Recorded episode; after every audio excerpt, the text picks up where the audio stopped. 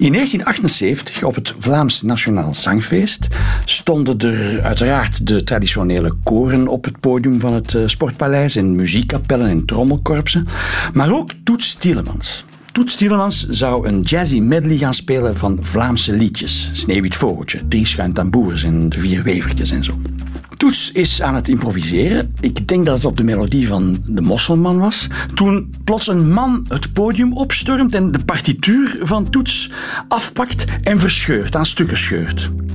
Over het feit of die man toen al dan niet geen negermuziek op ons zangfeest heeft geroepen, daarover is tot op vandaag discussie. Dit is Het Geheugen van de Mug. Podcast van Radio 1 over historische gebeurtenissen die de geschiedenisboeken niet hebben gehaald, maar die te mooi zijn om niet te vertellen. Met Koen Filet. Andrea Stijnen, docent culturele erfgoedstudies.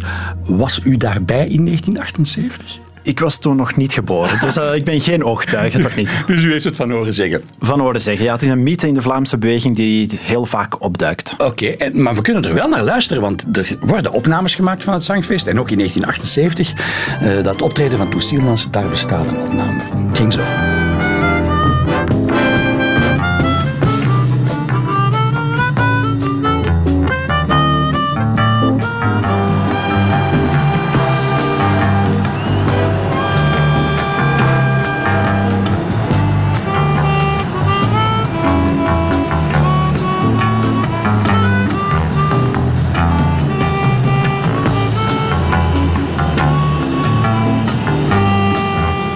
Ik heb verschillende keren naar dat fragment geluisterd, ook thuis. Ik hoor geen tumult, ik hoor geen gescheurd papier. Hoor jij het? Ik hoor het wel, maar je hoort het eigenlijk enkel als je het verhaal erachter kent. Oké. Okay. Het zangfeest dat is altijd een redelijk tumultueuze bijeenkomst. Ja. Uh, zeker in 1978, het was volle Egmond-crisis, dus de spanningen die waren echt... Ja, er waren heel wat spanningen in de zaal, in het Sportpaleis. Moeten we nu de Egmond-crisis uitleggen? Ik vrees... Dat... Kan, kan, dat in anderhalve zin? Goh, heel simpel, er was een staatshervorming goedgekeurd ja. door de Volksunie, ja. maar een groot deel van de achterban van de Vlaamse beweging was niet opgezet met dat akkoord. Maar de organisatoren van het Vlaams Nationale Zangfeest die gingen wel mee in het Egmond-pact. en dat zorgde dus met al die Vlaams nationale verenigingen bij elkaar voor, ja, voor heel wat ongenoegen. Er was echt een schisma in de beweging. Het is ook de wortels van het Vlaams Blok. Hè? Dat is Inderdaad. daar begonnen. Hè? Ja, Splitsing. Dat is kort nadien ja, dat okay. die partij werd opgericht. Egmond Pact dus. Okay. Ambras in de, in de familie, laten we ja, het zo zeggen. toch wel. Dus je moet die achtergrond kennen. En als je dat weet en je weet iets van het talent van Toet Stelemans, dat is ook belangrijk, dan hoor je in het fragment dat hij eerst heel losjes aan het improviseren is, maar op een bepaald moment hoor je op de achtergrond van de geluidsband, ja, de opname is ook niet geweldig natuurlijk, ja. hoor je dat er wat wordt geroepen. Maar als je dat samenziet met het feit dat Toet Stelemans enkel de melodie begint te spelen en niet meer begint te improviseren, ja, dan merk je wel dat er iets is gebeurd. En Juist. Ja, ik hoorde hem uh, gewoon de mosselman spelen op een bepaald moment. Ja, het is daar wel. Wacht, nog ja. eens opnieuw luisteren.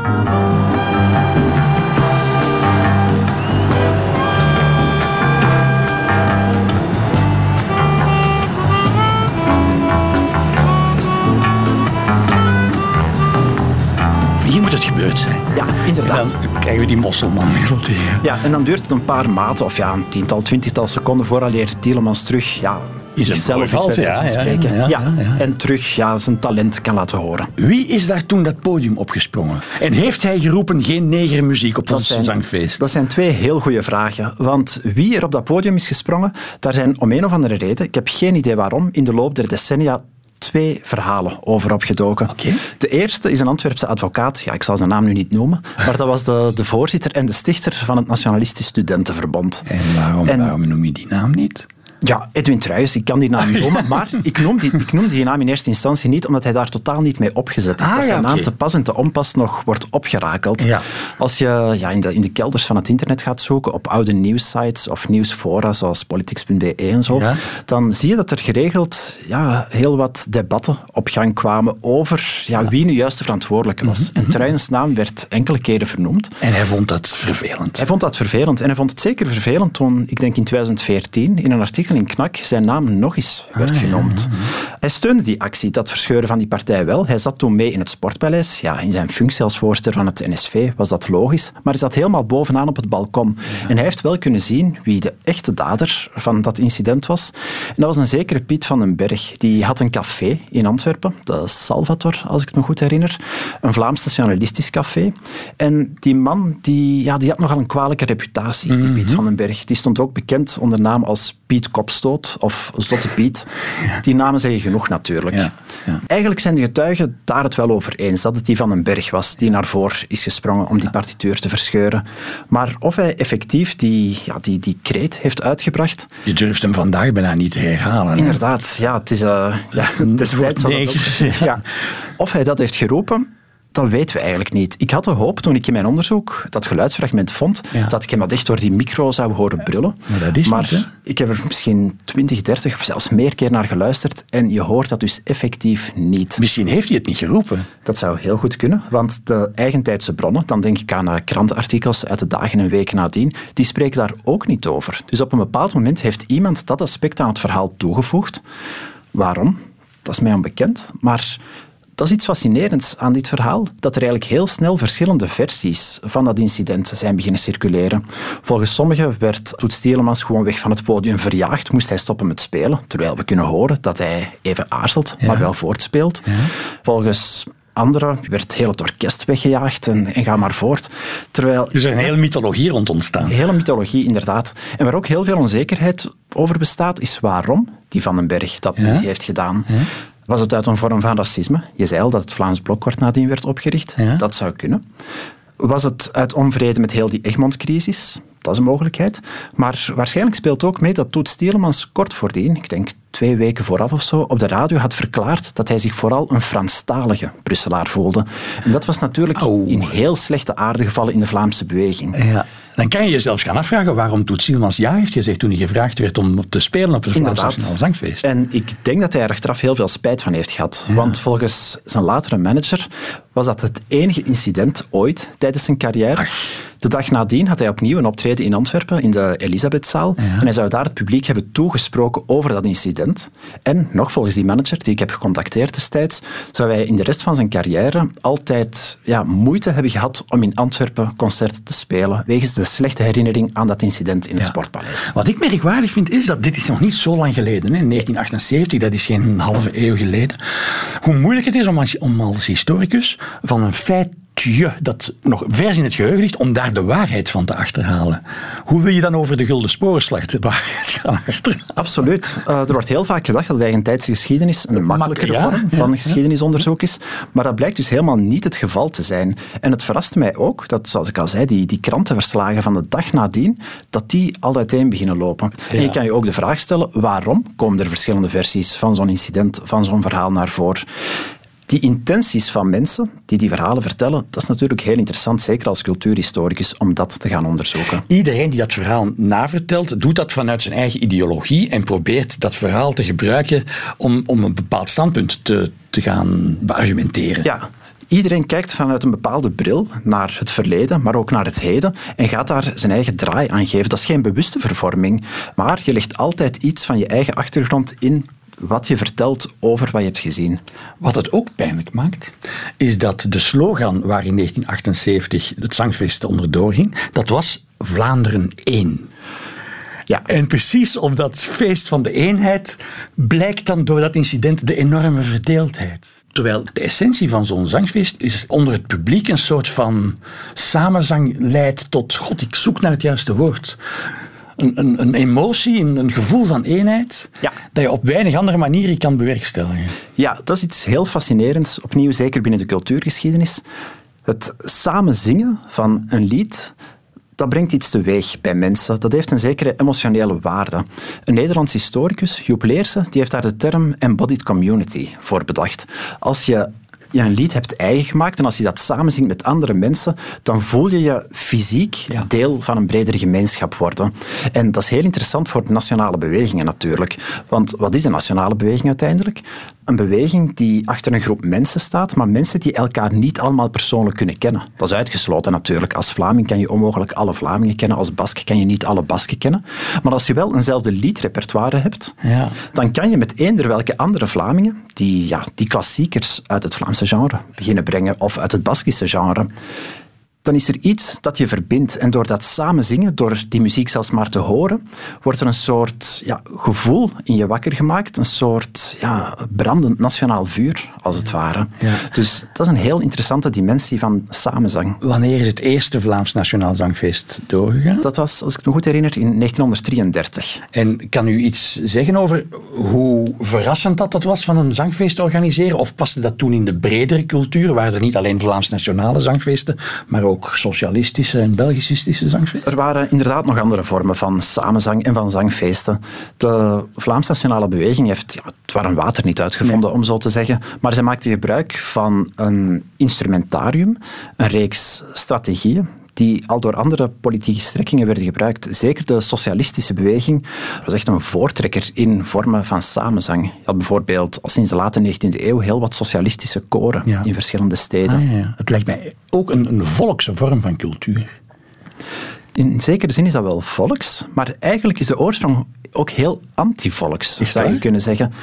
Heel die traditie van samenzang, als je de wortels in de 19e eeuw zoekt, dan zie je dat dat net een heel burgerlijk streven is.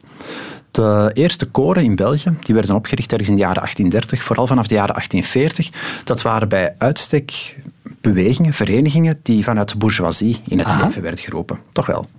Wat soort van eh, koren moet ik dan denken?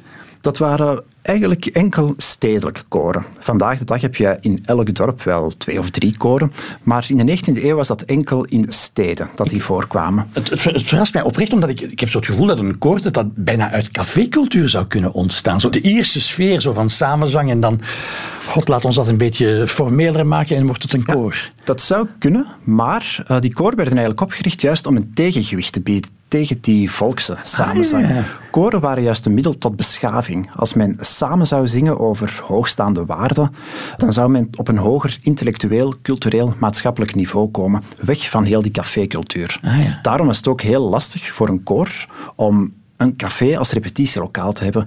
In veel uh, gemeenten was dat gewoonweg verboden. Ja. Ja. En dat is dan geëvolueerd, want later kwamen er dan ook, behalve die burgerlijke bourgeois-koren, socialistische koren, ja. Vlaams-nationalistische koren. Ja, maar het is opvallend dat ook die socialistische koren bijvoorbeeld, toch een ja, volkse beweging, dat die dat burgerlijke model bijna één op één overnamen. Zij inspireerden zich regelrecht op wat die burgerij, die mannelijke burgerij trouwens, dat is ook een heel belangrijk element, uh, wat die burgerij ja, had bedacht enkele decennia voordien. Ah, het waren mannenkoren? Ja, enkel mannen mochten zingen. En dat heeft ook iets met een zekere politieke dimensie te maken. Heel die koorbeweging vanaf de 19e eeuw, die komt eigenlijk uit Duitsland. Okay. Duitsland in Frankrijk had je ook wel uh, elementen in die zin, maar de Belgische koorwereld is vooral op het Duits model geïnspireerd. En in Duitsland zongen die koren, enkel mannenkoren zongen die toch wel over politiek. Die zongen bijvoorbeeld over de, ja, over de Duitse versnippering en hoe ze één staat wilden hebben. En dat is een politieke zaak natuurlijk. En politiek werd bij uitstek gezien als iets mannelijks. Vrouwen hadden zich daar niet mee te moeien. Dus als vanzelf hadden vrouwen geen plek in een koor. En daar komt ook nog bij, politiek was misschien één deel van die Duitse koorbeweging, maar in het Duitse repertoire en nadien ook in het Belgische zaten heel veel drinkliederen. Er was een zeker studenticoos karakter, zou je kunnen zeggen. En uiteraard wilden die mannen daar geen vrouwen bij. En dat heeft heel lang geduurd. Uh, in sommige koren heeft dat tot na de Tweede Wereldoorlog geduurd, vooraleer er vrouwen mee op het podium mochten staan. Ja. Dus dat was wel een hele beweging zo. Er werd veel gezongen in, in groep. Als, dat zijn we wel helemaal kwijt. Hè? Er bestaan nog wel koren, maar... Ja dat zijn we kwijt. Uh, maar de ambitie van die koren was ook anders. Dat echt de bedoeling, heel die koorwereld, om ja, een soort gemeenschapsgevoel te creëren. Dat kon op een nationaal niveau zijn, daar hebben we het al over gehad, maar zeker ook op een stedelijk niveau. Je had bijvoorbeeld wedstrijden voor koren. Een koor dat deelnam aan zo'n wedstrijd werd echt gezien als de vertegenwoordiger van een stad. Je zou het kunnen vergelijken met voetbalploegen vandaag de dag. En ik heb echt bronnen gevonden van bijvoorbeeld het Leuvense koor, de Société Lyrique, dat in 1843 aan een wedstrijd had deelgenomen in, uh, in Antwerpen. En tegen alle verwachtingen in, want concurrentie was bikkelhard, had de Société Lyrique gewonnen. Er werd meteen een telegram naar Leuven gestuurd met de boodschap van ja, maak alles klaar, want we komen eraan. En inderdaad, de trein reed het station binnen, er werden kanonschoten gelost, uh, er werd met een hele optocht door de hoofdstraat van Leuven naar het stadhuis gewandeld. Er werd een bal georganiseerd, de vlaggen werden uitgehangen. En ja, het werd samengevat in drie woorden, Louvain et fou. Het was één groot volksfeest, want dat koor had de trots van heel de Leuvense gemeenschap met succes verdedigd. Dat klinkt inderdaad als de Rode Duivel, gekte of uh, Olympische kampioenen die worden ingehaald en toegejuicht. Was er ook sprake van supportersgeweld? Zelfs dat gebeurde soms. ja, toch wel. Ergens, ik denk in 1892 was er een, eh, een concours, een wedstrijd in Halle, bij Brussel. En de bedoeling was om iedereen, wat, om iedereen de kans te geven om ook eens deel te nemen aan zo'n wedstrijd. Dus de afspraak was dat koren die al eerder een wedstrijd hadden gewonnen, dat die niet mochten deelnemen. Mhm. Maar er kwam een koor uit Charleroi dat, zo bleek, zich onder een valse naam had ingeschreven. Die hadden enkele jaren voordien met hetzelfde repertoire dan nog een wedstrijd gewonnen. Ah, en nu wilde dus eigenlijk mhm. ja, dat, dat nummertje nog eens overdoen. Dat kwam uit. Dat koor werd direct uit de competitie gezet. Maar er kwam een soort ja, een regelrecht dreigement eigenlijk. Als die beslissing niet ongedaan werd gemaakt, dan zouden alle, ja, alle deelnemers uit Charleroi en hun supporters zouden die de boel gewoon kort en klein gaan slaan daar in Halle. Dus uiteindelijk heeft men het reglement nog aangepast om dat koor toch nog toe te laten. Maar die dreiging was dus uh, effectief reëel. Dat is wel een heel andere sfeer dan een beetje stoffige, belegen imago dat het koorleven vandaag heeft. Hè? Misschien jammer, maar het is wel zo.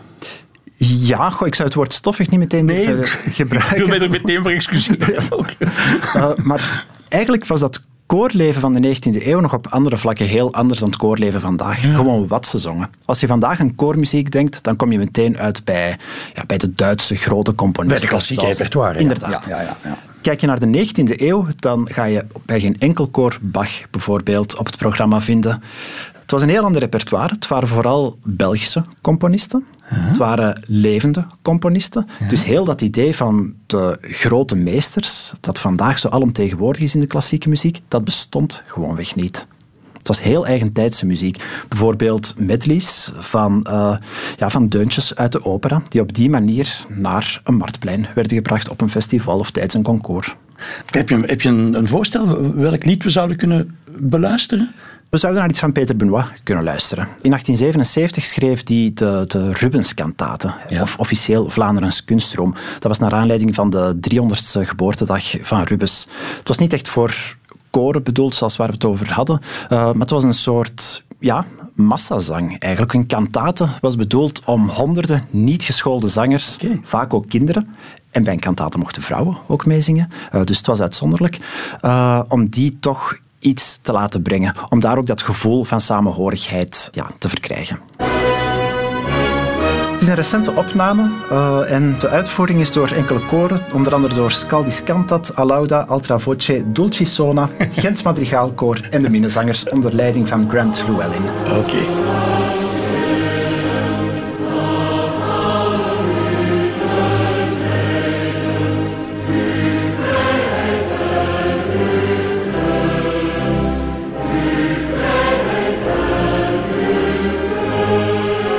Dit was Het Geheugen van de Mug. Een podcast van Radio 1 in samenwerking met de KU Leuven. Meer merkwaardige verhalen uit de cultuurgeschiedenis lees je in het boek Het Diner in de Dinosaurus. Al onze podcast vind je via de app van Radio 1 of op radio1.be.